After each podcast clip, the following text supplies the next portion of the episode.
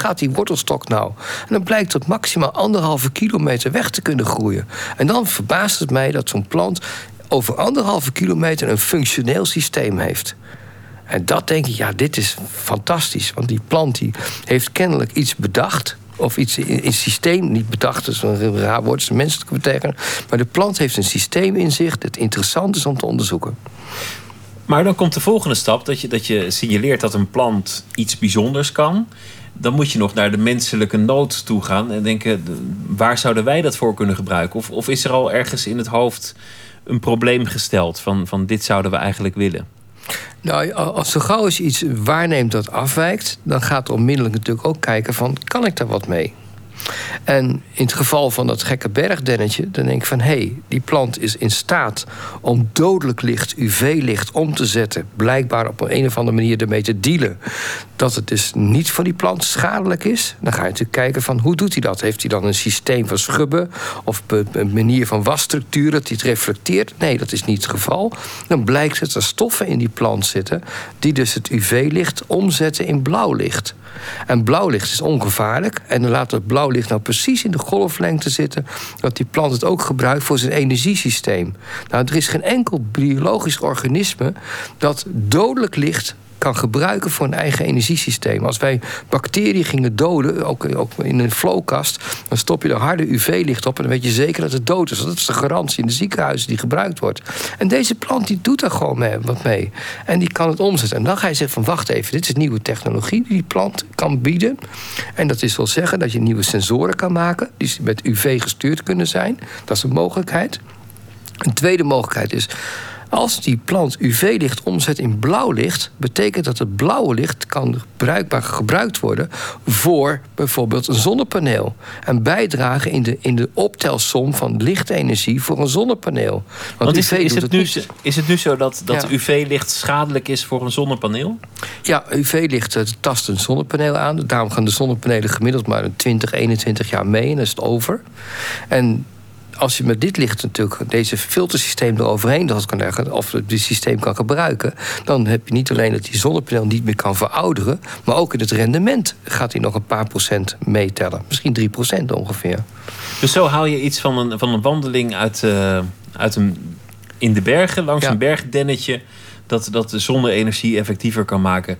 Ehm, of, of andere dingen, want, want je haarverf bleekt uh, voor bij geblondeerde mensen. dan, dan krijg je zo'n zo'n zo'n wittige kleur als je in de zon zit. Dat kan je daarmee ook voorkomen. Of, of nog, nog concreet, het kan ook denken aan verf op een huis. Iedereen weet dat vijf of zeven jaar dan gaat het krakeleren en dan moet je opnieuw schilderen. Dat wordt nu niet meer verouderd door, door, UV, door de UV-effecten. Of sterker nog, in het straatbeeld. Denk we gewoon aan asfalt. Dat is gewoon betumen met steentjes erin, grind erin. Dat is asfalt. Maar de bitumen wordt hard door UV. En dan komen die steentjes los en dan gaat die weg eroderen. En die wordt weg, slijt veel meer weg. Dus op het moment dat je een UV-systeem erin aanbrengt, kan het asfalt veel langer meegaan. Hoeveel patenten zijn er inmiddels al? Ik heb er nu 17. dat is flink, toch? Ja, ja, dat is wel een hele, hele rij, ja, dat klopt. Maar niet, vaak niet gekoppeld, vaak hele nieuwe dingen, ja. Een van de grootste problemen van onze tijd uh, voor, voor gewone mensen is uh, fijnstof wordt enorm geklaagd in, in steden. In, in Den Haag was er zo'n rel van uh, bewoners uh, van bepaalde straten die te veel fijnstof hadden. Maar in, in China is het helemaal een, een ramp. Ja, uh, klopt. Het, fijnstof. Daar ben je nu mee bezig. Wat, wat is mhm. dat voor project? Nou, het is leuk. Het project dat doe ik samen met Daan Rozengaarde en met ENS Europe als bedrijf. En het idee is om. kijk, ik had een fijnstofvinding gemaakt. Dat je echt fijnstof vanaf 10 nanometer en groter kon afvangen. En dat kan je natuurlijk zichtbaar maken door met bijvoorbeeld laser aan te sturen. Zo ik het genoeg gedaan, met laserlicht te bekijken. Of je kan het gewoon technisch meten met apparaten. Met een, nu, weet het, een APS, een aerodynamische particle sizer. En zo kun je allerlei dingen bedenken om te meten, om aan te tonen. En toen op een gegeven moment had die lezing gegeven in, uh, in, in Eindhoven. En na die lezing vertelde ik ook dat er gewoon geen watermantel kon gevormd worden. Omdat de deeltjes simpel te klein zijn. Er kan geen water accumuleren leren. En na mij was Daan Rozengaarde als spreker. En die zei na afloop van... God, Pop, ik, kan, ik, ik heb een idee... Zou, als ik jouw verhaal zo hoor... dan zou in principe een gat in de lucht kunnen maken. Dan zeg ik, ja, technisch is dat mogelijk. Maar het is natuurlijk op grote afstand. En dat hebben we dus verder uitgewerkt. En, en toen blijkt dus op een gegeven moment... dat je dan met elkaar tot een fantastisch idee uh, komt. En dat idee, het idee van een luchtbubbel maken, zeg maar, is dan vandaan. Maar, maar het idee van om het, om het zeg maar, technisch mogelijk te maken... dat komt bij mij vandaan. Want en dan, de handjes... Daan Roosgaard is kunstenaar eigenlijk. Ja, ja, ja, ja. Dus, dus hij maakt... Een vormgeving. Een vormgeving en, en misschien ook een soort concept... Ja, nou, hij, heeft, hij heeft een beeld in zijn hoofd wat hij graag wil bereiken. En samen met ENS Europe hebben we dus de technologie bepaald om het te kunnen maken. En zodat je dus met elkaar het werkelijk zijn, zijn droom dus kan realiseren. Maar een, een, bubbel, een gat in de lucht. En dan, dan heb je dus een plek in de stad waar, waar je wel lekker kunt ademen, maar waar geen fijnstof is. Ja, en uh, wat de bedoeling is, het komende zomer, dus dan in juli moeten plaatsvinden ongeveer. Dan gaat er in Beijing in een park een, uh, een systeem opgehangen worden. Die zuigt de lucht van buitenaf aan. En dus onder die, dat systeem is de lucht dus zuiver en schoon. Dus de mensen kunnen dan in de stad even zich vertoeven in een schone luchtomgeving. En dan heb je dus Daan, als Rozengaarders voorbeeld, die zegt van wacht even, ik moet het zichtbaar maken. En die gebruikt dan lichttechnologie zeg maar, om deeltjes te stralen. Iedereen weet als je een bundel licht hebt en je hebt stof, dan zie je die lichtbundel. Maar als die stof ontbreekt, dan is er niks, niks, geen licht zichtbaar. Dan wordt licht onderbroken. Dus als je een lichtstraal van de ene kant naar de andere kant door die stofbundel heen zal, eh, dan zou je die, die stofbundel zichtbaar maken. Maar als je nou een gat maakt erin, dan is het licht begin zichtbaar, dan ontbreekt hij en daarna gaat het licht gewoon door. Nou, op zo'n manier kan je dus allerlei hoeken aanstralen en dan kan het voor het heel breed publiek zichtbaar gemaakt worden dat, dus de, dat die lucht daar schoon is. Maar dat heeft ook als onbedoeld eh, neveneffect dat mensen ineens zich realiseren hoe vies de lucht elders in de stad is. Dat is klopt, ja. Nou, dat is nu op zich met het oog ook al zichtbaar. Want ik ben zelf ook al eens in Beijing geweest. Nou, als je dan ziet... Ze hebben mondkapjes voor. En, ja, maar je kan het letterlijk zien als je daar rondloopt. De eerste flat zie je wazig. En de tweede flat is bijna niet zichtbaar. Zo, zo dicht is die, die, die, het probleem van smog. De, hebben de autoriteiten in eh, Beijing er oren naar? Zijn, werken die met jullie mee? Ja, ik, uh, ik, dat wel. Men realiseert het heel goed. Ik, ik, was vorig jaar was ik dus in, in november was ik in Nieuw-Zeeland voor een congres. En toen werden dus echt, heb ik 41 interviews moeten geven voor de Chinese over, radio en pers en noem maar op over dit onderwerp. Dus het is een hot topic in het land. Het is echt een probleem. Een andere uh, kwestie, brandstof. Uh, daar zijn jullie ook mee bezig. Uh, met, met, hoe je uit planten brandstof zou kunnen maken. Of hoe je je door planten zou kunnen laten inspireren tot nieuwe soorten mhm. brandstof. Onder, onder meer nieuwe brandstof voor vliegtuigen. Waar moet ik dan aan denken? Ja, nou, toevallig hebben we het met uh, een plan bedacht om uh, zeewieren te gaan kweken in open zee. Uh, want ik was van mening dat je hebt ja, tegenwoordig ook planten als het biobrandstof. Hè, die worden op land gekweekt. Ik denk bijvoorbeeld aan palmolie, maar ik denk aan cas, cassave en, en, ik denk aan de, weet het, suikerriet. Je kan allerlei planten bedenken, maar die nemen land in beslag. Plus dat ze een, een grote vraag hebben naar zoet water. Nou, mijn persoonlijke visie is: planten op land moet je kweken voor voedsel of voor feed of food, maar niet voor energie. Dat is gewoon, eh, vind ik niet netjes, omdat je dan ook de prijzen opdrijft, maar daarnaast ook zorgt voor dat het heel veel mensen dus gewoon, ja, zeg maar, niet toegankelijk is voor, voor mooie dingen. Dus dat is een, idee dat ik heb. Dan ik van, nou, dan vervolgens, als de wereld zo tekort gaat aan zoet water, wat zo schaars is, hè, want heel weinig is er in heel veel gebieden een probleem mee. Dan denk ik, nou, waarom gaan we dan niet op zee kweken? Zee is overal aanwezig, is zout, dus hoef je geen zoet water toe te voegen. Je neemt ook geen landruimte in beslag. En als je zeewieren dus submers kan kweken, dan kan je de zeewieren in een bedding zetten met een slow release systeem substraat. En daar kan je de zeewieren kweken op verschillende locaties. En het idee was, dat we zijn in Brunei geweest daarvoor, omdat daar het idee geopperd, om daar dus zeewieren te gaan kweken.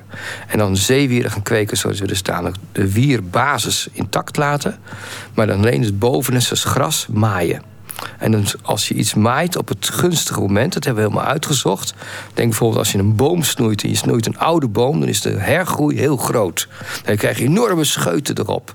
Maar als je dus een boompje jong houdt, dan geef je hele kleine scheuten. Dus als je dus een grote bulk van zeewierbasis hebt en je knipt alleen de bovenste laag, die komt vanzelf drijven. Dat is een eigenschap van zeewier vanzelf is. Dan hoef je maar alleen met een eenvoudige slurper naar binnen te halen en kan je dat verwerken. En die verwerking is dan in eerste instantie tot biobrandstof, maar eigenlijk wil je meteen naar jetfuel gaan. Maar eh, jetfuel, dan moet het, moet het vrij effectieve brandstof zijn. En dan heb je ook nog vrij veel nodig, wil het enigszins van invloed zijn op die, op die markt. Wat voor, wat voor getallen hebben we het eigenlijk over? Ja, nou, je moet kijken, de, de, de, de productie is, is zeg maar een factor 1 op 5. Dus je hebt vijf keer zoveel biomassa nodig om zeg maar dan één deel jetfuel te kunnen produceren. Dus dat wil zeggen hele grote hoeveelheden. Wij zitten te denken aan ongeveer 5000 ton per dag te kunnen oogsten. En dat, dat, dat, klinkt heel goed. Ja, en dat is massa. Hè? En dan kan je ongeveer zo'n 30.000 ton jetfuel maken per, per maand per productieunit. En hoeveel productieunits kun je kwijt in, in een Brunei? Uh, wij denken aan ongeveer een getal van zo'n zo rond de 150. Dus je bent dan echt een forse speler op de jetfuelmarkt. Dus uh, vaak al in Brunei geweest uh, met deze innovatie? Ja, ja, ja, een paar keer, ja. Dan, dan is er ook nog uh, de kustversteviging. Dat is gezien de klimaatverandering ook een, een topic in heel veel landen. Mm -hmm dat doe je ook op basis van, van planten. Hoe kun je planten gebruiken om, om dijken te bouwen? Ja, nou, dat is wel leuk dat je dat aanroert. Uh, in 2009 ben ik met uh, professor Marcel Steven... dat is een hoogleraar uh, civiele techniek en waterbouw, kustverdediging, waterbouwkunde. En we liepen daar samen op het strand. En de collega dus Henk Jan Verhagen. We liepen daar op het strand en we zagen dus op een gegeven moment... stukken restanten mangrovenbos... met hier en daar een stukje waar nog zand zichtbaar was, grof materiaal. En ja, het wordt behoorlijk geërodeerd. Dus ze hebben als oplossing om dijken te bouwen zoals Nederland, hè, met beton en zware constructies. Nou, dat is op zich, voor, zou je denken, een goede oplossing. Maar het is kleibodem. Dus dat betekent dat die dijken bewegen, die scheuren, die breken. En, het, en de bewapening komt vrij en dan vreten die dijken weg. Nou, dat is een ramp, een grootschalige ramp. En toen ik er rondliep, zag ik op het strand een heel klein lijntje. En ik pakte het materiaal op, ik liet het allemaal iedereen zien. En ik zei, weten jullie wat het is? En ze zeiden, nee, geen idee, geen idee. Ik is mica. En mica is het enige metaal wat drijft op water. Dus als hier mica kan landen, dat betekent dat alle deeltjes in principe hier de kust kunnen bereiken. Alleen moet je goed weten te vangen. En de bovenstroom brengt en een onderstroom die neemt, de, de zee, neemt het materiaal mee de zee in. Als je nou de onderstroom kan vertragen... en dan brengt de bovenstroom de materialen... en onderstroom vertraag je door een tralie te plaatsen onder water... dan zorg je ervoor dat ervoor deeltjes neer gaan dalen. Kunnen settelen. En dat die traliegrootte is gekoppeld aan de grootte van de korrels. Dus we hebben de tralie berekend. En dan gezegd van die korrelgrootte. En ik heb je gezegd, nou, ik ga maar een ondiepere kust bouwen. En op een gegeven moment zet je die tralie in elkaar, dichter bij elkaar toe. Dat is een idee dat ik toen bedacht. En civiel technisch is het natuurlijk fantastisch. En dat betekent dat je dan een stapeling kan krijgen, eerst van zand en daarop een stapeling van klei kan bouwen. Die klei wordt op een gegeven moment 30 centimeter dik. En op dat moment ga je mangroven spoten. En die mangroves die echt van die steltwortels maken, die als het ware van die bogenwortels maken. En omdat je dan 30 centimeter dikke klei hebt, kan die klei heel snel daarna gaat die impacteren, comprimeren. Dat betekent dat die zuurstofarm wordt. Dus de planten krijgen benauwd. Dus wat gaan ze maken? Luchtwortels. En dat is precies wat we willen, want die breken die golven op. Tot die planten kunnen dan mooi uitgroeien. En dan vervolgens komt de tweede fase. Dan komen de mangroves worden dan geplant. Na de eerste aantal jaren gegroeid hebben.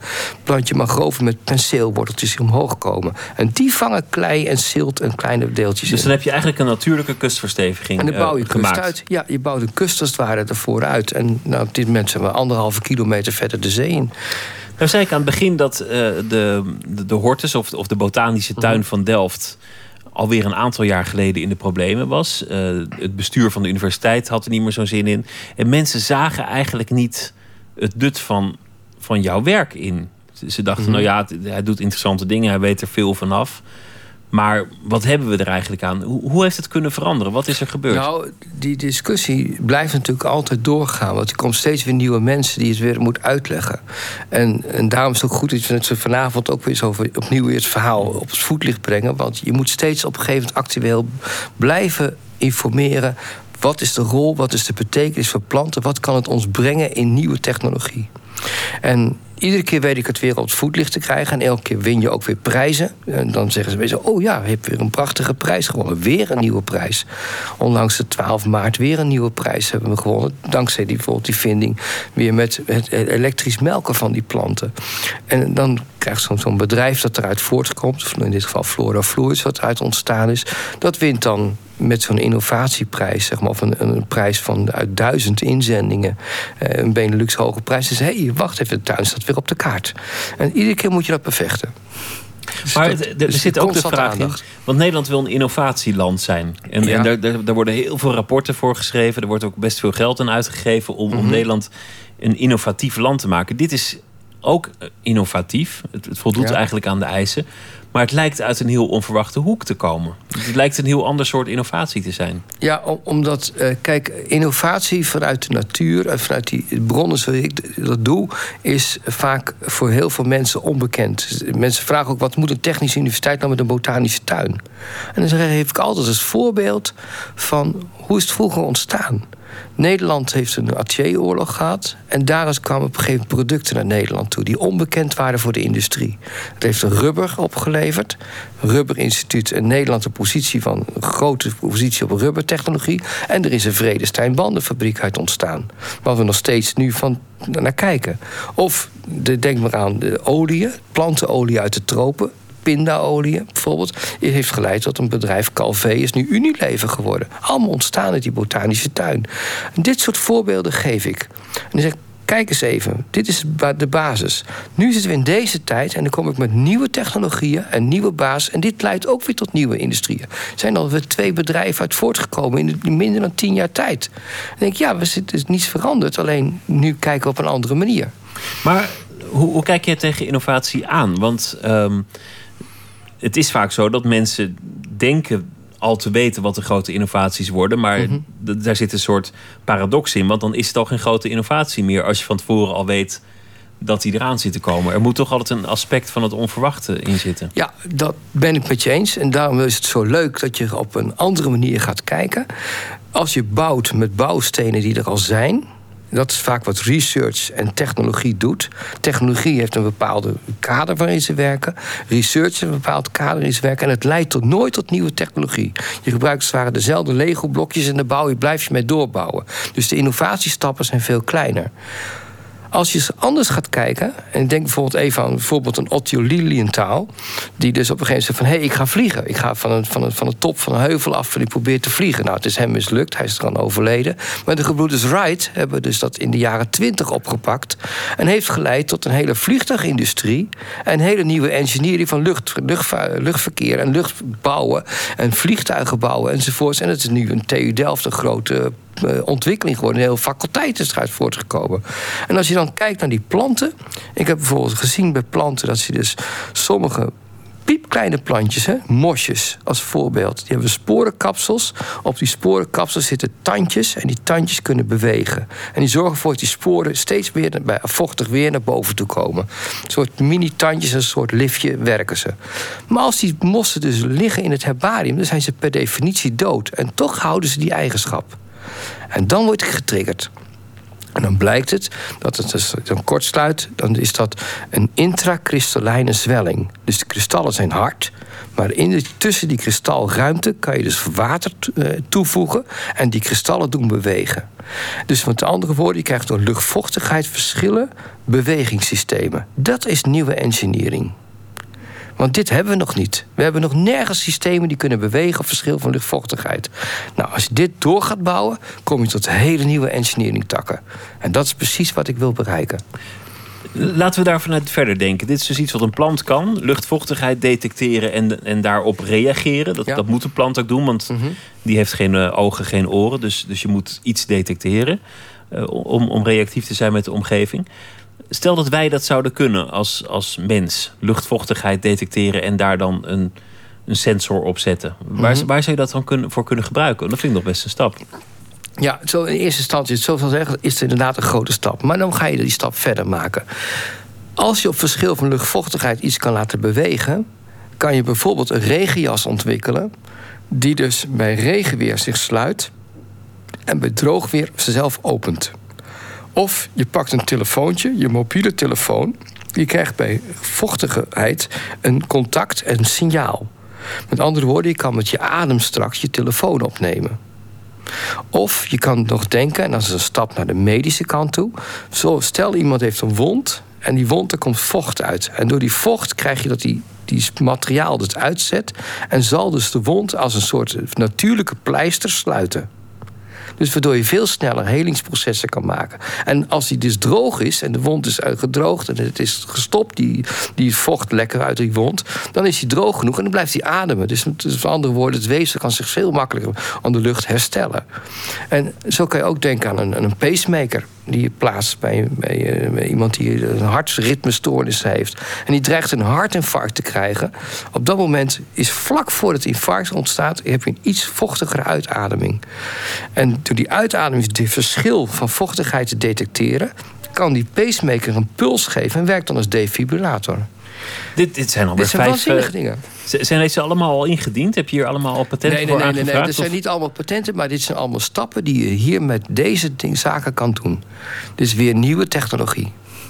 Ik wilde even terug naar de, naar de plant. Ehm, de, de plant blijft voor ons fascinerend. Ik, ik, moet altijd denken aan die film The Secret Life of Plants... waarin dan mhm. de planten een eigen leven hadden... en, en de varen aanwezen wie de moordenaar was eigenlijk helemaal niet zo'n hele goede film, maar, maar vooruit. We komen er steeds meer achter, althans de wetenschap, dat, dat planten wel degelijk communiceren op manieren die wij helemaal niet zo goed kennen. Dat ze met schimmeltjes samenwerken, met insecten en dat ze met elkaar communiceren dat er iets, iets aankomt. Is dat nog steeds de basis? Is die fascinatie nog steeds aanwezig voor, voor planten? En, en ben je planten beter gaan begrijpen met de jaren? Ik probeer steeds. Planten verrassen mij in de mogelijkheden. Maar als je zegt dat communiceren als voorbeeld. Hè, hoeveel planten geven stoffen af naar elkaar toe als signaalfunctie. Als een plant verderop aangetast wordt door een luis of door, door een, insect van vraat, dan blijken die stoffen af te zetten in de omgeving en die andere planten kunnen zich verdedigen al van tevoren. Uh, Maud Sabelis, hoogleraar in Amsterdam, die heeft daar heel veel onderzoek aan gedaan. En is ook goed onderbouwd. Dus het is geen utopie. Het is gewoon een feit dat planten chemisch communiceren via de lucht. Dat fascineert me ook enorm. Want ik denk, hoe is het mogelijk? Wij hebben onze chemische taal, hebben wij niet als communicatie, kennen we niet. Het is een nieuwe vorm van, van, van communicatie. Anderzijds kan je denken van, hoe kunnen planten op een gegeven moment onder extreme omstandigheden functioneel blijven? En het is waanzinnig hoe ze dat kunnen doen. Sommige planten kunnen in een hartstikke vochtige omgeving staan en tegelijkertijd ook droogte doorstaan. Een prachtig voorbeeld ervan is een mosje, Exomorteca, bijvoorbeeld in de Namibische woestijn. En dat mosje krijgt misschien, als hij geluk heeft, eens in de zeven jaar een regenbuitje. Daar moet hij dan mee leven. En hoe doet die mos dat? Die heeft een soort kapsel om zich heen gemaakt. Een soort, noem het maar, een broeikas. En onder die broeikas kan hij dus zeven jaar of negen of tien jaar lang... voor totaal functioneel blijven leven... met dat hele kleine regenbuitje dat hij ooit heeft gekregen. Als je die dingen bekijkt, genetisch, briljant is een goede stap om daarmee aan de slag te gaan. Energetisch, fantastisch. Wij proberen met heel veel werk zo'n zo'n biodroom te bouwen voor NASA. Om te kijken, kunnen wij in space iets overleven? Nou, het project is volkomen mislukt. En een kleine, simpele levenmosje, dat heeft het dan in zich. En, en dan zou je misschien water in de woestijn of, eh, of, of water op Mars. Of, uh, nee, je kan alle dingen kan je bedenken. Je kan het dus ook op andere vlakken bedenken. Door op die manier te kijken naar plant. Hoe doen die dat? En die hebben het lang opgelost. Het is, uh, het is leuk met je te praten en uh, inspirerend. Heel veel mhm. succes, uh, Bob Ursem van, van de Botanische Tuin in Delft. En succes met alle volgende projecten. Wat wordt de volgende reis? poeh, de volgende reis. ik, denk, ik denk als ik ga kijken... ik ga nu dus promoveren op fijnstof. Dus dat is de eerste stap. En hierna denk ik ga kijken naar hoe transportsystemen in planten... nog efficiënter en ons nieuwe mogelijkheden kan bieden voor bijvoorbeeld olie of grote vloeistoffentransport op afstand. Heel veel succes ermee dank en uh, dankjewel. En Nooit meer slapen is uh, zometeen terug met het uh, tweede uur. Daarin een verhaal van Joris van Kasteren. En wat voor kunst hangt er eigenlijk bij die summit daar in, bij de nucleaire bijeenkomst in Den Haag, waar alle wereldleiders bij elkaar zijn. U kunt ons bereiken via Twitter, VPRO-NMS of nooit meer slapen, VPRO.nl via de mail. Graag tot zometeen.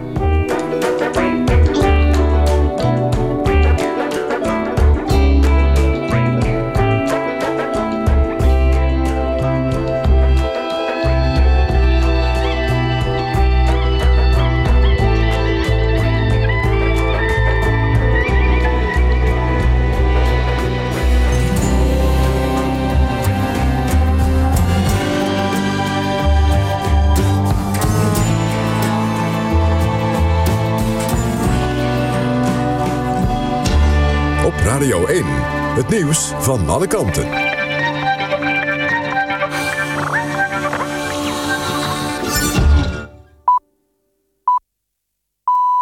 1 uur, Ewout de Jong met het NOS-journaal. Een groot aantal PVV-politici op zowel lokaal, provinciaal als Europees niveau... zijn zeer kritisch over de uitspraken van PVV-leider Wilders over Marokkanen. De PVV-leider in het Europees Parlement, Laurence Stassen... heeft besloten te breken met de partij.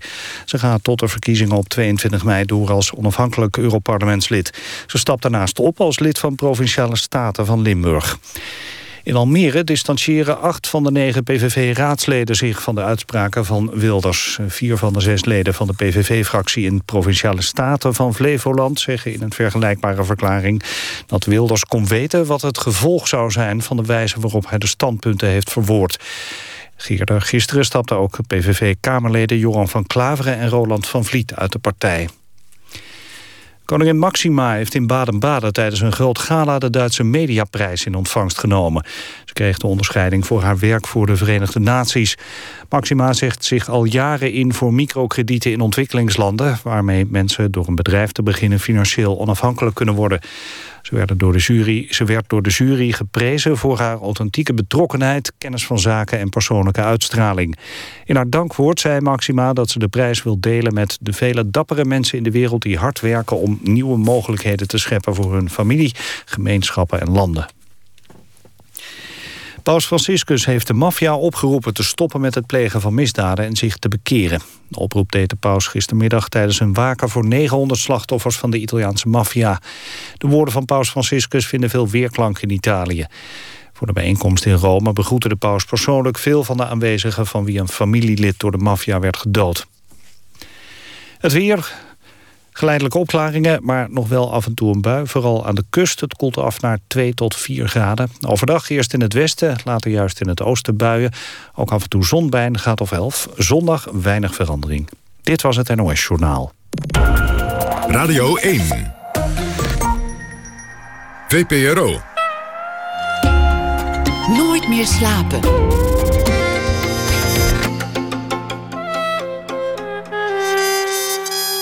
Met Pieter van der Wielen. Welkom terug bij Nooit meer slapen. Zometeen gaan we het hebben over de kunst aan de muren bij de nucleaire top in Den Haag volgende week. Wat voor kunst hangt daar en waarom is dat belangrijk? Een reportage. We kijken wat er hangt. Anne de Meester is directeur van het Frans Hals Museum. Zij geeft uh, cultureel advies. Wat is iets dat u uh, volgens haar niet zou moeten missen? Of wat in ieder geval de moeite waard is. En we hebben aandacht voor de nieuwe film van de maker van The March of the Penguins. Luc Jacquet heeft een uh, nieuwe film gemaakt. Dit keer over bomen. Na gesynchroniseerd door Midas Dekkers. Maar we beginnen met Joris van Kasteren. Hij schreef afgelopen week elke dag een verhaal voor ons. Hij is uh, schrijver van Het zusje van de bruid, Lelystad... en zijn laatste boek, Het been in de IJssel. Goeienacht, Joris. Hallo, daar ben ik weer. Zo, daar ben je weer. Waar wil je het over hebben uh, vandaag? Of uh, wil je het gewoon meteen voorlezen? Wat, wat gaan we doen? Nou, ik, ik kon natuurlijk niet helemaal heen om de hele Wilders kwestie. Dus uh, ik heb uh, gepoogd een originele insteek uh, te verzinnen. Ja, het is, het is heel bewegelijk nieuws op dit moment. Ja, zeg dat wel. Het is een, een drukte van belang hier in, in de buurt bij, ja, bij, ik de vond collega's. Het moeilijk. Ik vond het moeilijk, want um, het, ja, ik bedoel, je kunt het moeilijk met de man eens zijn... Maar tegelijkertijd treedt er ook weer een soort vreemd effect op... waarbij uh, de rijen zich zeg maar sluiten en uh, iedereen uh, Dat, dat, is wel, dat, dat valt wel op. Dat aanvankelijk was de, de reactie vrij lauw. Uh, Mark Rutte die had het over een vieze smaak in de mond. Maar het, het leek allemaal een vrij rustige reactie. Maar het lijkt inmiddels alsof mensen over elkaar heen buitelen in verontwaardiging. Dat je niet achter kunt blijven. Nou, wat er eigenlijk gebeurt is, de, de aarde is opengespleten en, uh, en nu is de kunst om aan de juiste kant uh, van het ravijn terecht te komen. Dus het, het is wel iets, zeg maar. Ja. Nou, ik ben benieuwd wat je ervan gemaakt hebt. Draag voor. Kruimels heet het. Ehm, in de New York Review of Books las ik onlangs een helder betoog van de Servisch-Amerikaanse dichter en essayist Charles Simic. What's Left of My Books is de titel ervan. En het gaat over wat er uiteindelijk in je hoofd achterblijft... van al die boeken waarmee je je omringt... en al die artikelen, Facebook en Twitter berichten... die je dagelijks consumeert. Wil je betrokken zijn bij het maatschappelijk discours? Waarom, vraagt Simic zich af... blijft uiteindelijk slechts dat ene detail hangen... En raakt het alles verklarende geheel ondergesneeuwd met het verstrijken van de tijd. Simic beschrijft hoe hij met ongeloof naar zijn boekenkast staart... en zich geschrokken afvraagt of hij zich de afgelopen jaren werkelijk... door al die dikke romans, memoires en filosofische werken heeft heen geworsteld. Dat moet wel, constateert hij. Want op verschillende plaatsen in die boeken en artikelen... heeft hij alinea's onderstreept en van commentaar voorzien. Maar uiteindelijk zijn het slechts de onderstrepingen, de kleine anekdotes... het vuurwerk van het aforisme, zogezegd... die zich blijvend in het geheugen nestelen. Terwijl plot en conclusie, de drang en aanleiding... waaruit de details in eerste instantie geschreven zijn... in rook lijken te zijn opgegaan. Het zijn, concludeert Simic, uiteindelijk slechts de kruimels die overblijven... niet de complete maaltijd. Kruimels in plaats van het helemaal. Zo is het wellicht met alles. Een tweede artikel dat ik onlangs van hem las, Betrayed heet het... plaatst op een enigszins vergelijkbare manier vraagtekens bij de wijze... waarop beslissende politieke omwentelingen in het collectieve geheugen verdwijnen. Hoe groter de waan van de dag en hoe onbegrijpelijker de context van het moment... hoe holler de retoriek. Dat is ongeveer wat er op dit moment in het zoveelste Wilders-debat gaande is. Bijna blij verheugd staart weldenkend Nederland zich blind op een malle uitspraak die de grote blonde leider een paar dagen geleden heeft gedaan. Willen jullie meer of minder Marokkanen? Terwijl de alomvattende context al jaren bekend was. Kruimels, niet de hele maaltijd. Dat is waar het ook in het Wilders-debat uiteindelijk om zal gaan. Dat was hem. Ja, dat is een. Uh, dat is natuurlijk wel een feit. Het, het, gaat uiteindelijk weer over een uitspraak. Daar, daar, is de politiek goed in. Om, om alles te centreren rond heeft hij dit wel of niet gezegd. Of, of had, moet hij dit terugnemen. Maar, maar nooit over inderdaad de context zoals jij het noemt. Of over, over de brede stroom der dingen. Ja, precies. Er, er is een, een, blijkbaar een soort uh, aardsverschuiving geweest. En nou ja, uh, ik ben niet altijd met hem eens, maar Frits Abraham zat in NRC Handelsblad vanavond daar een hele zinnige column ook over. Van, er is eigenlijk toch een soort van directe lijn tussen Fortuin en wat er nu uh, gebeurt. En je kunt zeg maar heel lang nuances aanbrengen, wat natuurlijk heel veel mensen gedaan hebben. Maar ja, op een gegeven moment is er blijkbaar een brug te ver overgestoken en dan is iedereen ook ineens weer helemaal op de andere zijde.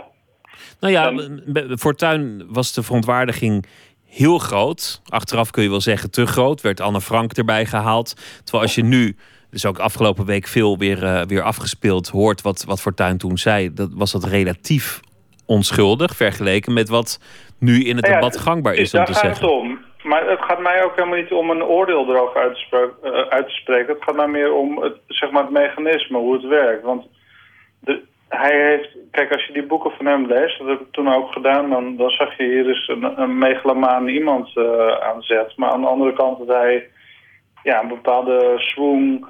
en uh, ja, hij was zeg maar multi-interpretabel... en dat was Wilders tot op zekere hoogte ook. En...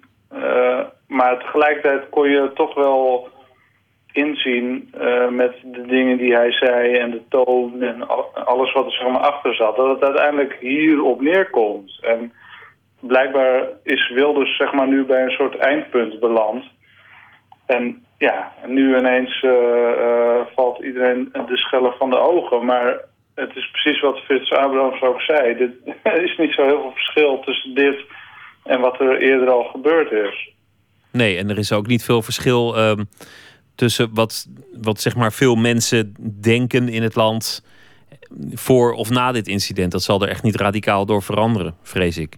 Nee, dat denk ik ook niet. Het is, kijk, en uh, wij of wij, ik weet niet uh, namens wie ik spreek, maar ja, als je nu zeg maar op de social media kijkt, dan is iedereen het uh, volkomen met elkaar eens. Maar er is ook nog een soort andere kant. En er zijn ook heel veel mensen, ja, zeg maar de wilde stemmers, die nog steeds hem steunen en die hierin alleen maar meer een bevestiging zien. Dus het, dit is echt een soort schisma.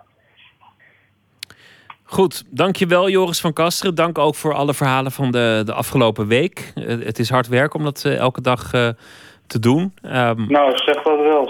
Ja, maar het is je gelukt. het dat zit erop. Dat is leuk om te doen, nee echt. Nou, dankjewel. Ik noem nog één keer je boek, je laatste boek, Het Been in de IJssel. En wens je een goede nacht. Hetzelfde daar. En ik hoop jullie snel weer te horen. Dankjewel. Goeienacht. Goeienacht. We gaan luisteren naar uh, muziek. Job Roggeveen is niet alleen vormgever en animator, maar ook de geestelijk vader van het project Happy Camper. Dat is een uh, muziekproject. Vandaag kwam het uh, tweede album uit, The Daily Drum Beats.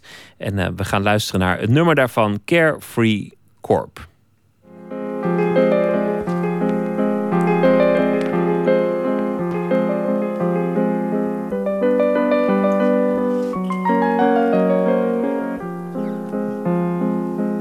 Follow the masses, they know the way to our headquarters. You don't have to think at all, at all.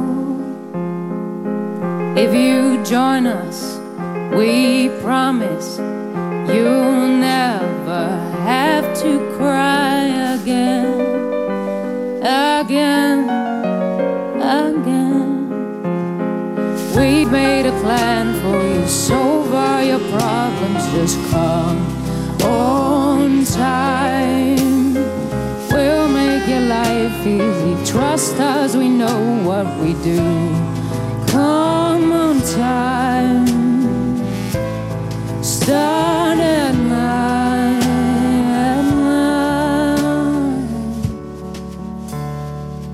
Follow the schedule fill in this form. No need to read the small print. We'll turn your soul into gold. We've made a plan for you, solve all your problems. Just come on time. We'll make your life easy. Trust us, we know what we do. Come on time.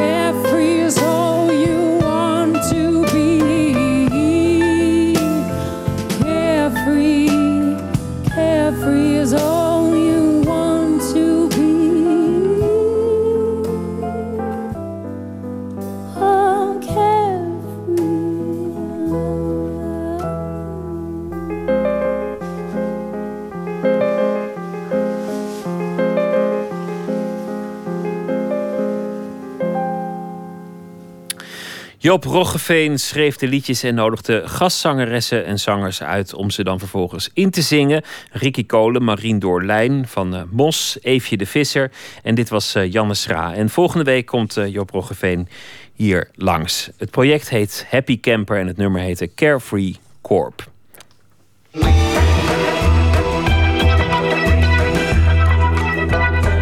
We luisteren naar de VPRO op Radio 1. Maandag komen heel veel wereldleiders naar uh, Nederland. De Amerikaanse president Barack Obama gaat naar het Rijksmuseum in Amsterdam. Hij is in Nederland vanwege de Nuclear Security Summit, de nucleaire top in Den Haag. Maar om Hollandse kunst te zien, hoeft Obama niet per se naar Amsterdam. Want in de conferentiezaal van de top is al genoeg te zien. Een verslag van Botte Jellema. Nee, er mag niemand in, eh, meneer.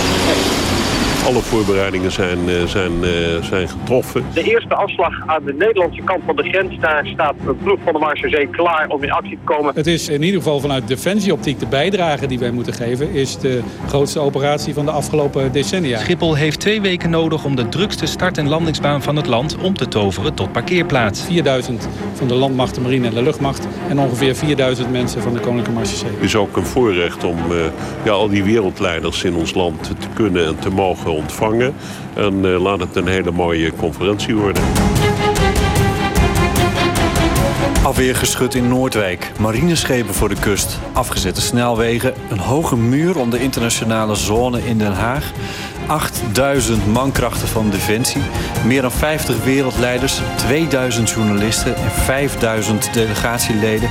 En de kern? De Nuclear Security Summit in het congrescentrum World Forum in Den Haag. Een vesting. Nou ja, van binnen moet het er natuurlijk aangenaam verpozen zijn voor de onderhandelaars op de nucleaire top.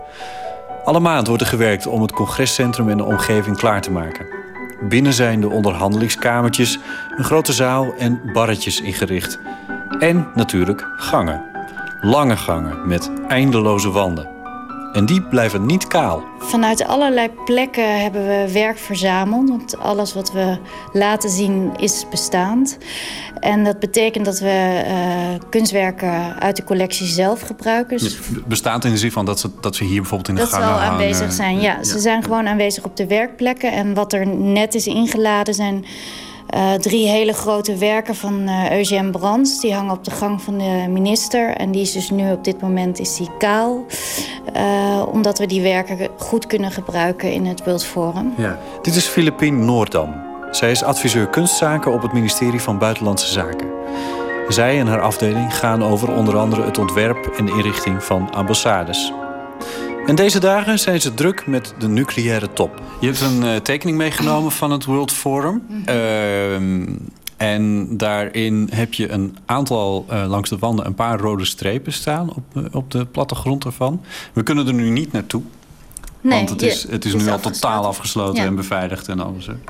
Klopt, ja. Nee, jij kan daar niet naartoe, denk jij wel? Ja, ik ga, er, ik ga het natuurlijk inrichten. Dus ja, ik zal er wel naartoe moeten, ja. Oké, ja. dat, is, dat is dus je taak voor de komende dagen. Om het daar te zorgen dat het er goed hangt en goed uitgelicht wordt. Ja, want wat er nu gebeurt is dat volgens mij vandaag... wordt het interieur totaal in, opgeleverd. En als laatste komt dan de kunst erin. Ja. Kunst gaat er als laatste in, omdat het natuurlijk schadegevoelig is. En gaat er ook wel als eerste uit. In het interieur komt kunst. Het ministerie van Buitenlandse Zaken organiseert de top... En voor de kunst putten ze uit de eigen collectie en uit de collecties van de Rijksdienst voor Cultureel Erfgoed. Het zijn schilderijen en foto's van bijvoorbeeld Eugène Brands, Erwin Olaf, Ruud van Empel, Celine van Balen en Levi van Veluwe. En er zijn er ook nog een aantal klassieke werken, zoals van Gerco de Ruiter, Karel Appel, Hondenkoeter, Ruisdaal en Leikert. Ook van het gemeentemuseum Den Haag gebruiken ze een aantal werken van de hand van Escher. In totaal komen er zo'n 80 schilderijen en 60 foto's te hangen. Allemaal in het thema A Modern Twist to Dutch Classics.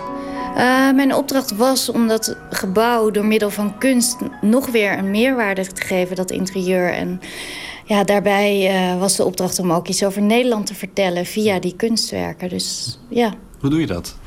Uh, door keuzes te maken. En in dit geval weet je dat je beperkt bent uh, in je ruimte. De wanden zijn groot, maar je moet toch je informatie bondig overzien te brengen. Dus de thematiek is, is beperkt. Dus we hebben ervoor gekozen om op het, in het gebied waar heel veel mensen komen... om daar de Nederlandse fotografie, de hedendaagse Nederlandse fotografie te laten zien.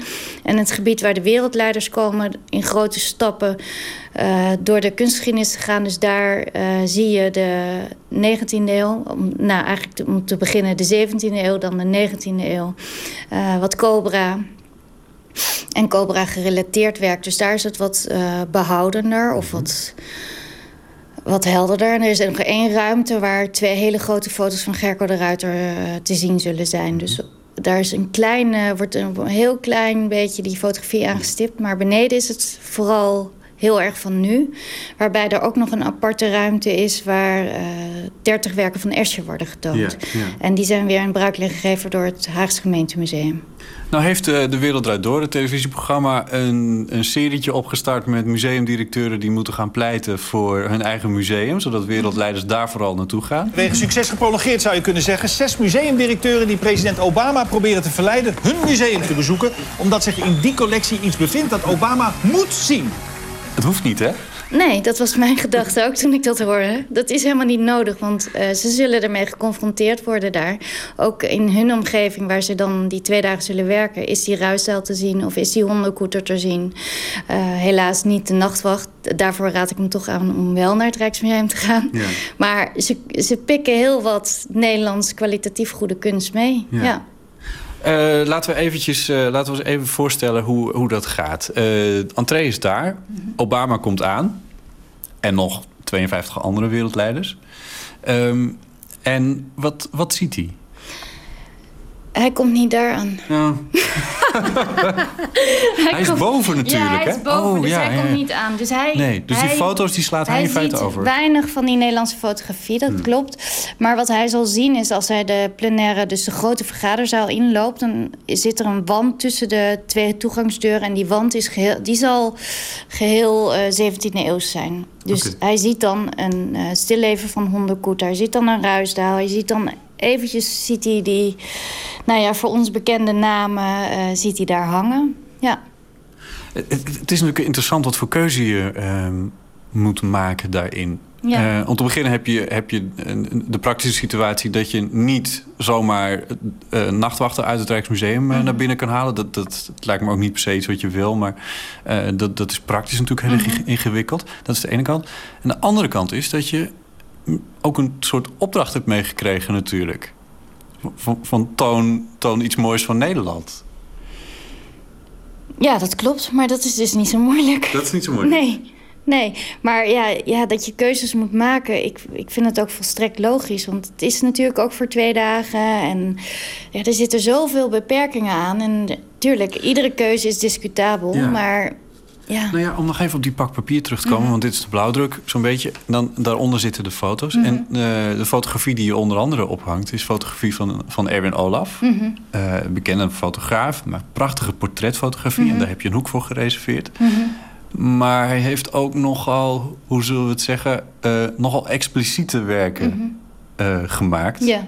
Die bezitten jullie misschien niet. Nou, wij, wij bezitten wel eh, twee werken bijvoorbeeld uit de pin-up serie. Eigenlijk waar die mee begonnen is. Hmm. Ik weet niet of je die serie kent. Niet helemaal, maar ik weet een beetje zijn vroege werk waarin, nou ja, de, laten we zeggen, de, de- zijn eigen geslacht bijvoorbeeld ook nog alles een rol speelt. Nee, die hebben we niet. Oh, Nee, ja. nee, gek Maar dat kan je natuurlijk ook helemaal niet ophangen. Nee, en dat is ook niet de bedoeling van eh type collectie eh, dat we zijn, zeg maar. We zijn, dit is een, eh, Buitenlandse Zaken is dan wel, of in de volksmond is het geen bedrijf, maar het is gewoon een kantoorgebouw.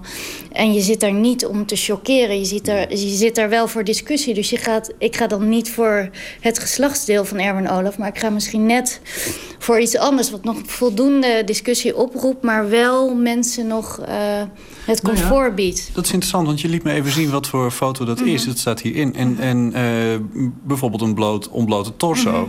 Ja. Doe je dat wel? Nou, ik vermoed, ik heb het wel geselecteerd, maar ik weet niet of ik het ga tonen. Omdat er natuurlijk heel veel mensen met verschillende geloven eh, rondlopen. Het is ook niet, dit is niet de plek om te, om te, om, te provoceren. Dat, dat is volgens mij niet, op, op dit moment nee, niet maar, nuttig. maar een ontbloot torso, dat is natuurlijk, het is natuurlijk interessant. Het gaat, Ja. het, hè, Voor Ja. de een is het provo- provocerend, Ja. voor de ander is het, Ja. nou ja... Ja, maar ik denk dat ik ondanks dat, en ondanks dat het een interessante discussie is, dat ik hem niet hier laat voeren. Hoe maak je die afweging? Ja, dat is gewoon, volgens mij is dat gewoon nuchter denken. Oké. Ja, op dit moment wel. Dit is natuurlijk, ja, wat is het doel van die top? Die gaat, het is natuurlijk niet nu om dit soort punten te bediscussiëren. Dat, dat heeft een heel ander doel. En die kunst is ondersteunend, die geeft een meerwaarde, die geeft wel genoeg prikkels. Er zijn nog genoeg prikkels over om die ook af te geven. En om naar dat niveau toe te gaan, ja, dat, ik, ik denk niet dat dat het moment is. Nee. Je vertelde me ook, Eh, er zijn veel wanden zijn afgetimmerd. Wanden waar normaal gesproken loketten of deurtjes of wat dan ook maar zitten. Daar moest je iets mee doen. Mhm. Maar dat zijn ook gigantische wanden geworden. Ja, dat is het rare. Want eh, nou, je hebt hier je- die tekening voor je en dat ziet er allemaal heel prima uit. Maar als je daar in werkelijkheid staat, is, is één rood streepje is gelijk 11 meter. En dat is ongeveer de kleinste wand die er is. Dus het zijn enorme oppervlaktes die je op een, een of andere manier moet zien te vullen. Dus ik verwacht, en dat is echt iets wat je op locatie moet zien, dat ik dat op een collageachtige manier zal doen. Dus ja, zoals de salons er vroeger uitzagen, van boven naar beneden. eh, flink geconcentreerd, zodat je een, een, eh, ja, een beeld kan neerzetten wat mensen, eh, wat mensen kunnen aanschouwen. En als je alleen maar één foto ophangt, dan zal die verdrinken. Dus eh, ja, al die werken komen nu ook in dialoog met elkaar. En dat is op zich ook wel weer heel spannend. Stel nou dat je totaal de vrije hand had gehad. Ik bedoel, je zit met een bepaald budget en je hebt de, de, de praktische gegeven dat je vooral put uit eigen collectie. Maar je had de vrije hand Rijkscollectie, gehad. ja. De Rijkscollectie, Ja. sorry. Ehm, wat had je dan willen laten zien aan deze mensen? Nou, als ik de vrije hand zou hebben en ik zou echt gewoon inderdaad eh, mijn, eh, zeg, zeg maar het nuchtere loslaten, dan zou ik wel iets, dan zou ik wel iets gewaagder eh, aan het werk gaan. En dan zou ik denk ik misschien wel alleen met hedendaagse kunst werken. Maar ja, dat is, eh, dat is wanneer het kan. Maar ik kan hier ook echt prima mee leven. Omdat ik denk dat je op deze manier Nederland op een hele smaakvolle en een kwalitatief goede manier vertegenwoordigt. En dat is wat we volgens mij willen uitstralen. Of willen meegeven aan de bezoeker. Eh, het is eigenlijk wel spijtig dat wij het als gewoon publiek niet Ja. even kunnen zien, hè? Ja, dat is Want zo vaak spijtig. zijn die werken niet bij elkaar. En Op deze manier. Nee. Nee. Nee. Nee, dat nog is een idee om dat nog een keertje te doen. Nee. nee, is niet een idee om het nog een keer te doen. Nee. Nee, ja, het is heel spijtig. Maar ga ervan uit dat die werken die zijn in het depot. En, en het doel van het Rijk is om die werken uit het depot te krijgen. En bij Buitenlandse Zaken werken we daar ook hard aan. Dus wij proberen zoveel mogelijk van dat soort... Nou, vooral die klassieke werken ook op de residenties in het buitenland te laten zien. Dus je zult ze niet op deze manier bij elkaar vinden. Maar uiteindelijk zul je ze wel weer elders op de wereld... of misschien wel in een museale opstelling eh, terugvinden. Het is, geen, het is niet passief. Nee. Veel plezier. Dankjewel. Ja.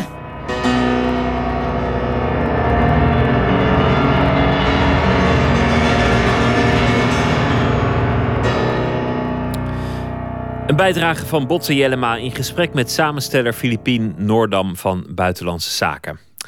Toen Fleet Foxes in 2008 doorbrak met hun debuutalbum, had drummer Joshua Tillman al vijf platen op zijn eigen naam staan. En dankzij het succes van de Fleet Foxes kwam er ook meer aandacht voor dat solowerk. No Occasion is het nummer dat we klaar bestaan van Jay Tillman dus.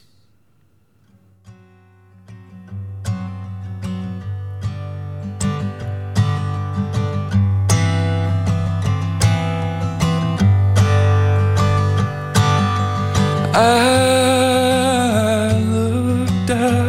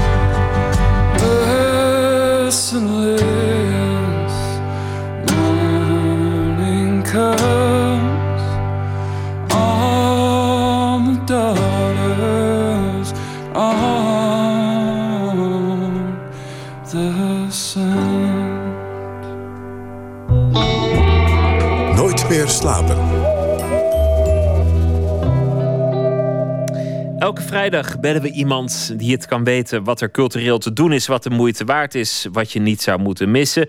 En deze nacht is dat Anne de Meester, tot voor kort directeur bij de Appel in Amsterdam en sinds 1 februari directeur bij het Frans Hals Museum en de Halle in Amsterdam. Goedenacht, eh Anne de Meester. Goedenacht, Pieter. Ja, wat is eh, de culturele tip die je wilt delen met eh, de luisteraars? Wel, ik, ik, ik hou het een beetje dicht bij huis, want ik ben eh, de voorbije weken vooral in en rondom Haarlem geweest voor mijn soort crashcourse uh, voor een introductie in het museum. Uh, en, en ik wou het eigenlijk hebben over een tentoonstelling die te zien is in een kunstenaarsruimte of een kunstruimte, de Nieuwe Vierde in Haarlem. En ik voel me daardoor een beetje de reporter ter plaatse, omdat het natuurlijk in de stad is waar ik nu woon en werk. En de nieuwe Vierde is, heeft sinds kort ook een nieuwe directeur... die ook nog eens uit uh, Amsterdam afkomst heeft. Nathalie Hartjes, een ex-collega van mij.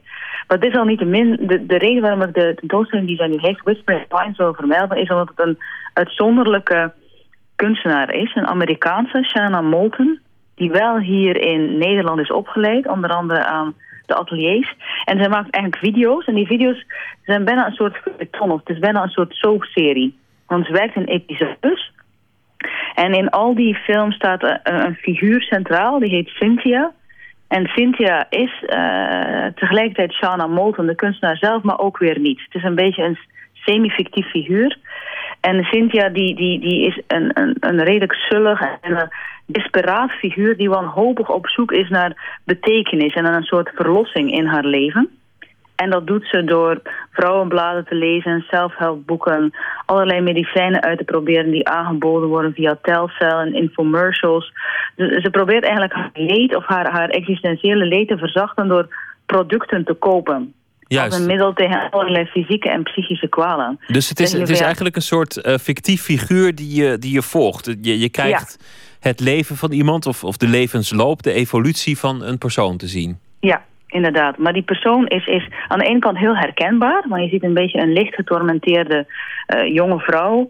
Uh, die, die, die in een soort neo-hippie uh, omgeving leeft. Alles in haar omgeving is lila, roze en babyblauw. En, en, op de een of andere manier is ze herkenbaar, maar ze is ook weer heel erg vreemd. Want die hele omgeving is absurdistisch. Uh, Moulton is, is uh, zelf opgegroeid in California in nogal een soort post-hippie omgeving. Haar ouders waren eigenaar van een trailerpark, dus er zal ook heel veel autobiografie in zitten. Maar, en die figuur Cynthia is heel erg bezig met meditatie, met esoterische gedachten. Um, met, met wat tegenwoordig heet de transcendentale onbehuisdheid. Kortom, Ja. het eh, leven zonder zingeving. Inderdaad, in de neo-new age. Eh, want zij, zij, zij, zij zoekt naar die betekenis, maar lijkt die maar telkens niet te vinden. En dan zou je zeggen, dat zijn dan eigenlijk hele treurige video's. Hè, die eigenlijk gaan over iemand die doelloos is in het leven. Maar er zit ook een soort tongue-in-cheek humor in. Want je weet niet precies van, is dit nu ernst? Of is dit totale onzin? Ehm, Ik vind het wel weet interessant, omdat, je, omdat je dat namelijk nooit ziet. Ik bedoel, als iemand zegt ik zoek zin in het leven of ik, of ik ben bezig met zingeving, dat is moeilijk om, om visueel tot uiting te brengen. Ja. Dus, dus wat je meestal laat zien is juist hoe goed het gaat en hoe je je tijd zo leuk eh, doorbrengt. De idealen laat je meer zien. Ja, en dit, dit toont eigenlijk, alhoewel het is ook, het is absoluut niet deprimerend, het toont eigenlijk niet de downside. Het is meer een soort, er zit een soort knulligheid in. De, de decors ook in de film van Sean die zijn heel zorgvuldig samengesteld uit allerlei prularia. Maar die hebben ook een soort bijna krampachtig karakter. En ik weet nog, ik heb haar werk leren kennen toen eh, zij studeerde hier in Amsterdam op de ateliers. En de eerste keer dat ik da- het zag, dacht ik echt van... wat een turbo kitsch. Wat een... Ik kon absoluut niet overweg met, met die films. Ik vond dat eigenlijk nogal... Ik vond ze nogal idioot. Heel erg Amerikaans flirten met, met populaire cultuur. Ehm, maar hoe meer je ervan ziet, of dat was in elk geval bij mij het geval, hoe groter je appreciatie wordt. Want wat het op het eerste gezicht heel frivol is, speels en een beetje ja, heel luchthartig, blijkt toch heel complex te zijn. Kun je En, een voorbeeld eh, geven eh, dat ik, het, dat ik begrijp? Wat zie je dan voor, voor dingen? Hoe, hoe ziet het eruit? Wat voor objecten? Ja, ik weet niet of je, of je, of je... Het ziet er een beetje uit als een YouTube-filmpje... met nogal primitieve animatietechnieken... en heel irritante, zweverige muziek. En dan zie je bijvoorbeeld Shana, dus Cynthia... in, een, een, een, in haar woon, lila woonkamer... waarbij ze allerlei nieuwe eh, apparaten uitprobeert... om bijvoorbeeld je wenkbrauwen bij te stiften... of om beter adem te halen... of om het restless leg syndroom eh, te kalmeren. En vervolgens wordt ze geteletransporteerd naar een soort hobbywinkel waar allerlei ehm, kristallen te koop zijn, eh, van die dreamcatchers of eigenlijk ja, wat we dan associëren met new age elementen. En dan zie je weer in een volgende fase een soort hele wilde eh, ritualistische dans uitvoeren op een berg ergens in, ik denk maar Colorado. Dus het is heel moeilijk. Het moeilijk ik, ik, las onlangs, ik kreeg vandaag een brochure in de bus eh, over een boek over openbaar kunstbezit. Die radioserie, of en later de televisieserie. Ik dacht van, hoe deden ze dat toch vroeger? Hoe beschrijf je in godsnaam een kunstwerk op de radio? Ja, dat is, Eh, dat is want best knap. Hoe, hoe, kan ik, ja, hoe kan ik die beelden oproepen? Eh, en ik denk dat je dan toch ja, een beetje moet denken aan, aan... Het is een soort... Er zit iets van Theo en Thea in. Eh, ook heel veel van, van soort telcel eh infocommercials. Al die verkooptelevisie die je vroeg in de ochtend kunt zien. En dan weer wat je, als je denkt neo-hippie of hippies uit San Francisco... dat zit er ook in. Dat zit allemaal in de mix. En vind je het goed? Wa- Want eh, ja, we, we varen op jouw oordeel. Zeg jij, dit, dit is echt heel erg goed in het genre? Ja, ik vind, bedoel, ik vind het vooral een bijzondere... eh, het, is, het, is nogal, het is nogal excentriek werk. Eh, maar je merkt ook dat er nu steeds meer appreciatie voorkomt. Dus het is niet alleen mijn, subjectie- mijn subjectieve oordeel. Je merkt ook, ze heeft bijvoorbeeld een tentoonstelling eh, over werk is getoond in PS1 en The Kitchen, toch wel gerenommeerde instituten in New York. Eh hij werd dus nu niet alleen te zien in een nieuwe vierde, maar later op het jaar is er ook een presentatie van een nieuwe film in Den Haag. Dus het is wel, het is niet iemand die, die in de eh, in de top 100 van Art Power zou staan... of die eh, nu al meteen eh, op de veiling zit bij Christie's. Maar er is wel een groeiende appreciatie voor haar werk. En ik heb zelf nu eenmaal... Ik, heb, ik, heb een, ik vind dat soort kunstenaars die aan de ene kant heel absurd werk maken... en eigenlijk heel erg flirten met populaire cultuur... of wat, wat we een beetje zien als trashy en kitsch en, en, en subcultuur... maar dan aan de andere kant daar een soort complexiteit in stoppen... of bijna een soort filosofische bespiegelingen in, een, eh, in dat absurdistisch jasje, dat vind ik persoonlijk heel interessant. En zij dus als heet je dus, houdt eh, van, sorry Pieter, als je houdt van strenge geometrische schilderijen, moet je er niet heen. Nee, Maar als je open staat voor dit soort kunst, dan is dit echt een aanrader. Shana Molten in de Nieuwe Fiede in Haarlem. Anne Meester, dank je wel en eh, een goede nacht. Dankjewel. Jij ook nog een prettige uitzending. Dank.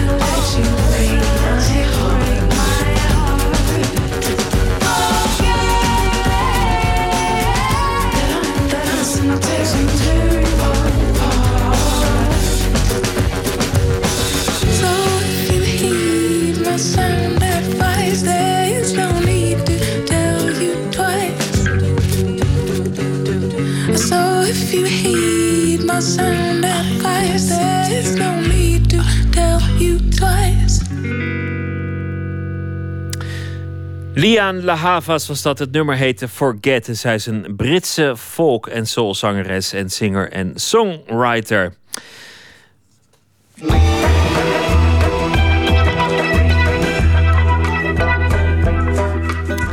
U luistert naar de VPRO Nooit meer slapen. Een film maken waarin de hoofdpersonen allemaal bewegingloos zijn en zwijgen. Kan dat eigenlijk wel? De Franse documentairemaker Luc Jacquet, bekend van The March of the Penguins, deed een poging. Hij maakte Once Upon a Forest, een film over bomen. Sinds gisteren draait hij in de bioscopen uit het Frans nagesynchroniseerd door Midas Dekkers. En Nicolaou spreekt over de film met Ruben Smit, maker en cameraman van de succesvolle film over de Oostvaardersplassen, De Nieuwe Wildernis. En ze ontmoeten elkaar in de wildernis van zijn achtertuin. Zo, we lopen je achtertuin in. Ja. Ja, even. Het, het- mijn tuin is eigenlijk opgedeeld in twee stukken. Het eerste stuk is eh, zeg maar mijn reguliere tuin. Zo'n eh, grote blauwe trampoline voor de kinderen. Precies. En, eh, maar er staat ook een klein kastje wat ik tijdelijk even heb omgebouwd tot timelapse studio. En ook als klein filmstudiootje. En ik heb hier op dit moment wat vijvers uit... Of sorry, wat, wat salamanders uit mijn vijver eh, in een aquarium gedaan. Om ze te kunnen filmen. En eh, dat doe ik eh, soms even omdat ik dan bepaalde close-up opnames wil maken... die ik daadwerkelijk in mijn vijvers heel moeilijk kan maken. Ik zal even een lampje aanzetten. Ja, er staan van die filmlampen opgericht. Ja, je ziet wat kleine watersalamanders zitten. Hier zo'n mooi mannetje, zo'n beetje draakachtige verschijning. Dat draait zich nu om met mooie zwarte stipjes. En aan de onderkant zo'n prachtige mooie, ja, soort vlekkenpatroon. En op zijn rug echt zo'n kam, een soort hanenkam, een soort punker. In deze tijd van het jaar, want zometeen gaan ze weer eh, het land op. En dan verdwijnt die, eh, dat drakenpak, zeg maar. Dus het is nu de het moment om eh, salamanders te filmen. En dat doe je dan dus niet in de werkelijke natuur. Nou ja, ik heb al heel wat opnames gemaakt in de werkelijke natuur. Ehm, waaronder ook in mijn eh, verdere tuin. Want daar heb ik een aantal poelen waar ik ook in film. Maar de echte close-ups en het eier afzetten, dat is niet te doen. Bovendien, als ik dan daar in die poelen probeer te filmen... dan verstoor ik ze ook zoveel dat het daar niet meer lukt. Dus ik moet soms, dat geldt voor natuuropnames, zeker voor kleine beestjes, dat zie je dat dat heel veel gedaan wordt. Je kunt ook bijna niet anders eh, om eh, details weer te geven. Ja, als argeloze kijker van een documentaire heb je dat dan niet in de gaten. Nee, dat klopt. Eh, hoewel ik altijd, en daar ben ik wel een beetje purist in, wel als het buiten kan, doe ik het altijd buiten. Dus, dus ik had er ook voor kunnen kiezen om alles in aquaria op te nemen. Ehm, maar dat doe ik niet. Dat gebeurt ook wel eens.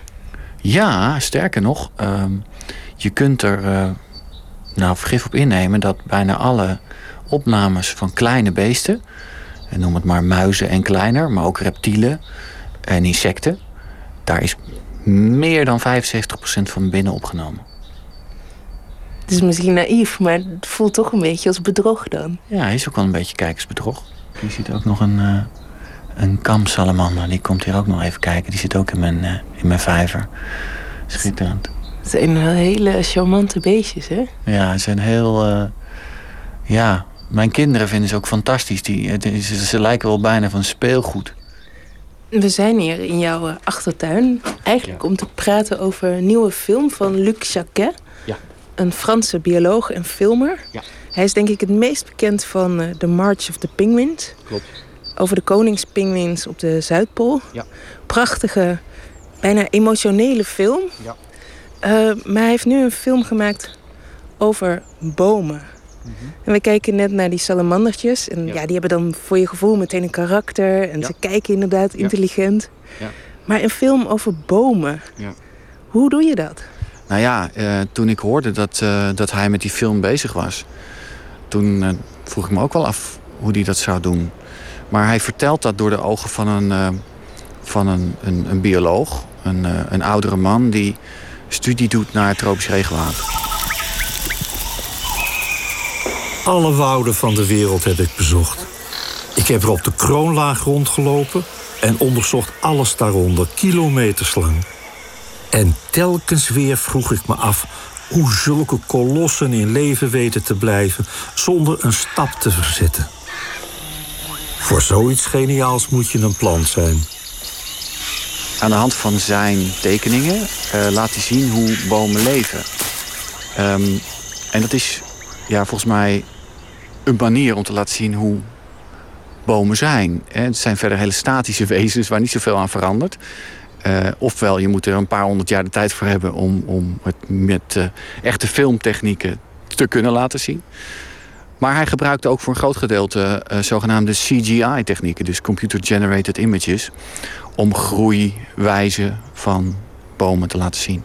Ja, er zit een animatielaag Ja. overheen. Dus soms zie je het echte eh, regenwoud van, volgens mij is het Gabon en Ja. Congo. Klopt.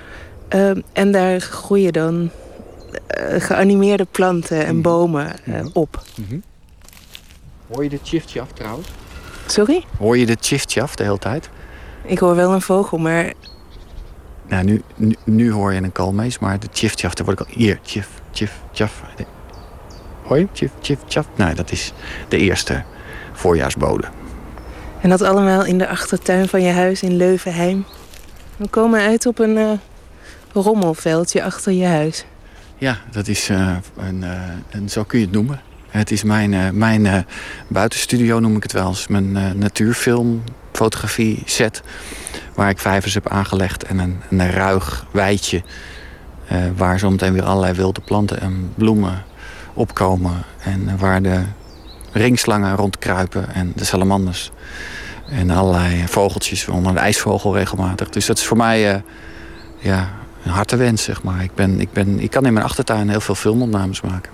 Ja, ingeklemd tussen het spoor en eh, het huis van de buurman. Ja. Die een keurig eh, geschoren gazonnetje heeft. Klopt. Klopt, ja. ja.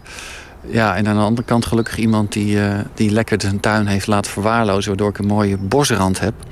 Daar zit van alles. Dus ja, hier word ik helemaal gelukkig. Hier achter je staat een, een, een, een hele mooie zomereik.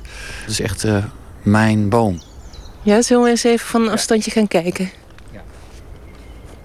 Eh, de moeilijkheid van bomen is dat je ehm, altijd tegen ze opkijkt. Dus je moet eh, met technieken gaan werken waarbij je camera's continu langs kabels omhoog langs de boom laat bewegen. Of met vliegende camera's, met drones die door de bomen heen vliegen. En eh, fantastisch overigens gelukt in de film van... eh, Ja, er zit een openingsshot in. Oh, dat Vertel duurt, eens. geloof ik, nou, dat duurt geloof ik zeven minuten. Ik heb het zitten timen. Ehm, overigens, het, het laatste shot is nog mooier. Duurt ook 7, 8 minuten. En eh, je ziet heel langzaam die camera omhoog gaan naar die top van die boom toe. En daar zit dan die man in. En ik denk dat die man op 70 meter hoog zit. Ja, kippenvel.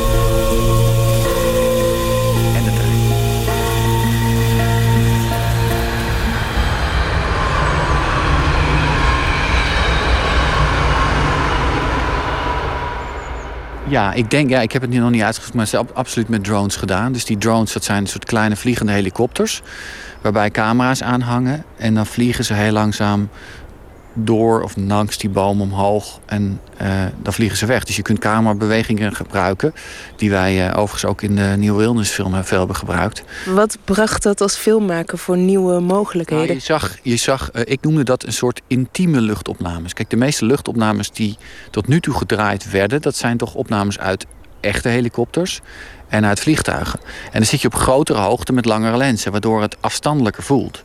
Op het moment dat je cameraposities eh, maakt of gebruikt met een groothoeklens... dus een lens heel dicht bij een onderwerp... en je vliegt er ook nog eens langs... dan geeft dat een heel intiem gevoel. Alsof je er zelf bij bent. En ja, die nieuwe benadering geeft ontzettend veel meerwaarde als filmmaker. Het zonnetje gaat schijnen. Ja, het wordt steeds mooier hier. Ja, gelukkig. Zie, Jij ziet het ook. Op je rommelveld. Ja, ja, ja, precies.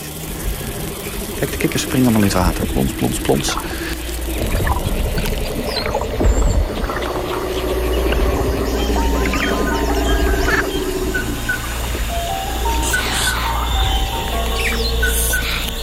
In die film van Luc Jacquet ook. Het is heel eh, poëtisch in beeld gebracht. Heel, Ja. eh, het is allemaal even prachtig. En ehm, met die animaties erbij neigt het misschien zelfs af en toe wel naar een beetje kitsch. Ja. Is het moeilijk om die grens te bewaken? Tussen, In fotografie kun je natuurlijk de werkelijkheid nog veel mooier maken dan dat die echt is. Wat, ik zou bijvoorbeeld deze trein eruit kunnen knippen. dat is bij al die media natuurlijk zo. Ja, dat is ook zo. Kijk, eh, eh, ik streef altijd wel naar een hele pure, een beetje rauwe aanpak. Hè, kijk, eh, ik vond bijvoorbeeld in eh, deze film heel duidelijk... ze kiezen wel voor een moment in de ontwikkeling... namelijk een regenbos, regenwoud is gekapt. Maar ze laten niet zien met welk geweld dat gaat. Sterker nog, die beelden van dat Die landschap, zijn- die, zijn waren prachtig. poëtisch. Ja, dit, dat, dat, dat is het eerste wat mij opviel. Was van zelfs die verstilling van die, van die machines die daar in de regen staan.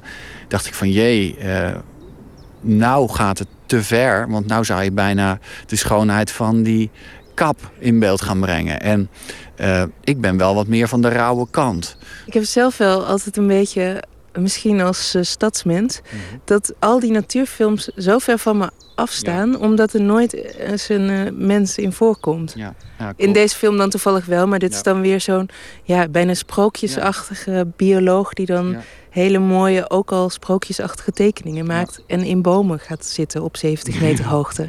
Ja, nee, ik kan me voorstellen. Ehm, ik probeer daar zelf wel steeds meer een mix in te vinden. Ik ben bezig met een, met een nieuwe productie waarvan ik hoop dat die ook eh, doorgaat. Waarbij ik zelf met de kano helemaal vanuit eh Lobit eh, de Rijn afvaar. En daarin al die nieuwe Nederlandse natuur en dat hele rivierenlandschap wat heftig aan het ontwikkelen is. Wat we over eeuwen nog zien. Wordt nu aangelegd en aangepast. Dus ik wil heel graag die natuur laten zien die heel spectaculair is daar. maar ook eh, de ontwikkelingen, hoe die hebben plaatsgevonden. Dus ook gewoon die mens die daar bezig is. Ehm, onderhand krijg ik daar ook steeds meer de neiging toe, zeg maar. En mag er dan een trein door het beeld rijden of een eh, auto? Nou, in dat geval eh, boten, Rijnaken of graafmachines die bezig zijn. Maar een auto gaat te ver. Nee, een auto kan ook wel. Absoluut. Ja, nee, tuurlijk. Eh, eh, maar het moet wel een functie hebben hè, in het beeld op dat moment. Dan moet je altijd wel als kijker... eh, probeer je maar eens te identificeren met de maker. Als er een auto door je beeld komt... dan heeft iedereen het idee van... hé, hey, wat wil die daarmee zeggen? Ja, dat is waar. Aan de andere kant, als er nooit een auto door het beeld komt... Nee, dat klopt. Maar dat is waar. Dat is waar. Dus dan moet je een goede mix in zien te vinden. Maar het zijn wel twee verschillende soortige aanpakken daarin. Ik vind die hele esthetische kant, wat afstandelijk misschien, vind ik ook nog steeds heel mooi. Ja. Over die esthetische kant gesproken, die animaties in die Ja. film van Luc Jacquet. Wat Ja. vond je daarvan? Nou, ik heb eh, eigenlijk bij het openingsshot zie je al meteen een vlindertje in beeld komen. dacht ik, oké, hij wil laten zien dat hij nog iets extra's gaat doen. Eh, het is een middel, eh, maar om eerlijk te zijn, staat het me in veel gevallen tegen. Want wat het probleem is met zo'n aanpak, is dat ik op een bepaald moment bijna niet meer tussen of door of langs de animaties kan kijken. Dus ik verwacht in iedere hoek een plantje wat uit de grond komt. En als er dan een shot is waarvan je een prachtige timelapse hebt, bijvoorbeeld een ontwikkeling van een wortel, dan denk ik van, oh, eh, is het nou eh, computer generated of niet? En ja, dat is gewoon heel vervelend. Eh, dus ik heb het liever niet. Ik, ik heb daar echt mijn bedenkingen bij. Hij doet het ook in geluid. Op een gegeven moment gaat het over dat bomen dan Ja. geuren uit Ja. eh, verspreiden. Ja, daar, daar zit, kijk, ik dacht bij mezelf toen je het, een, een van de eh, hele mooie gevonden eh, eh, audio-effecten is dat bomen met elkaar communiceren. En dat doen ze met geur, vooral. En met pheromonen en, en, en waterdamp bijvoorbeeld. En dat, en dat geluid is fantastisch. Dat is een soort, soort eh, eh, vrouwengefluister. En, en, dat, en dat hoor je en dat voel je. En, eh, eh, maar wat doet hij dan? Dan laat hij een soort moleculen door de lucht zweven. Waarvan ik denk, als je alleen het audiogeluid hoort... en je laat vervolgens alleen maar waterdruppels zien... en, en shots van de bomen op een bepaalde manier gefilmd... dan heb je hetzelfde effect. Ja, nu zweven er allemaal gekleurde bolletjes door het lucht. Het, ik, ik, zo'n- zo'n- een waanzinnige LSD-trip, zeg maar. Maar, maar, maar ja... Ja, ja ik, het gaat mij persoonlijk te ver. Ik denk dat het niet nodig is.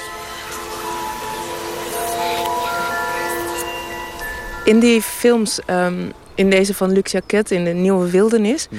er wordt altijd een verhaal verteld. Ja. En dat verhaal lijkt eh, alsof dat vanzelfsprekend is, want je filmt dat gewoon. Maar dat Ja. verhaal is natuurlijk geconstrueerd. Ja, klopt. Hoe, hoe moeilijk is dat om een verhaal te bedenken bij dieren en bomen? Nou, het is ontzettend moeilijk. Ehm, omdat je... ehm, kijk, in het geval van deze film is het makkelijker. Omdat je eh, het verhaal vertelt aan de hand van die man. En dat kun je van tevoren helemaal scripten, uitschrijven. Je storyboard erop aanpassen. Drie berken. Ja, dat zie je goed. En een pad die net boven water komt. Ja, jij focust toch op die dieren, hè?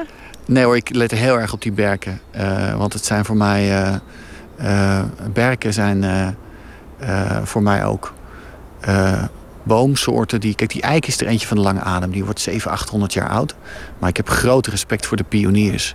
En je kan ook bij bomen er toch een soort karakters op plakken. Hè? Ja. Want Ja. deze, zeker nu ze nog kaal zijn, Ja. het zijn toch altijd eenzame bomen, berken. Eh, ja, hoewel, het, kijk, ik kijk iets meer als ecoloog naar. Berken groeien bijna altijd bij elkaar. Eh, en een eik is wat dat betreft veel eenzamer. Ehm, eh, Ja, toch heeft hij iets gezelligs. Ja, dat komt een beetje door zijn architectuur, denk ik. In de, de film ehm, Il était un forêt, Once Upon a Forest... Ja.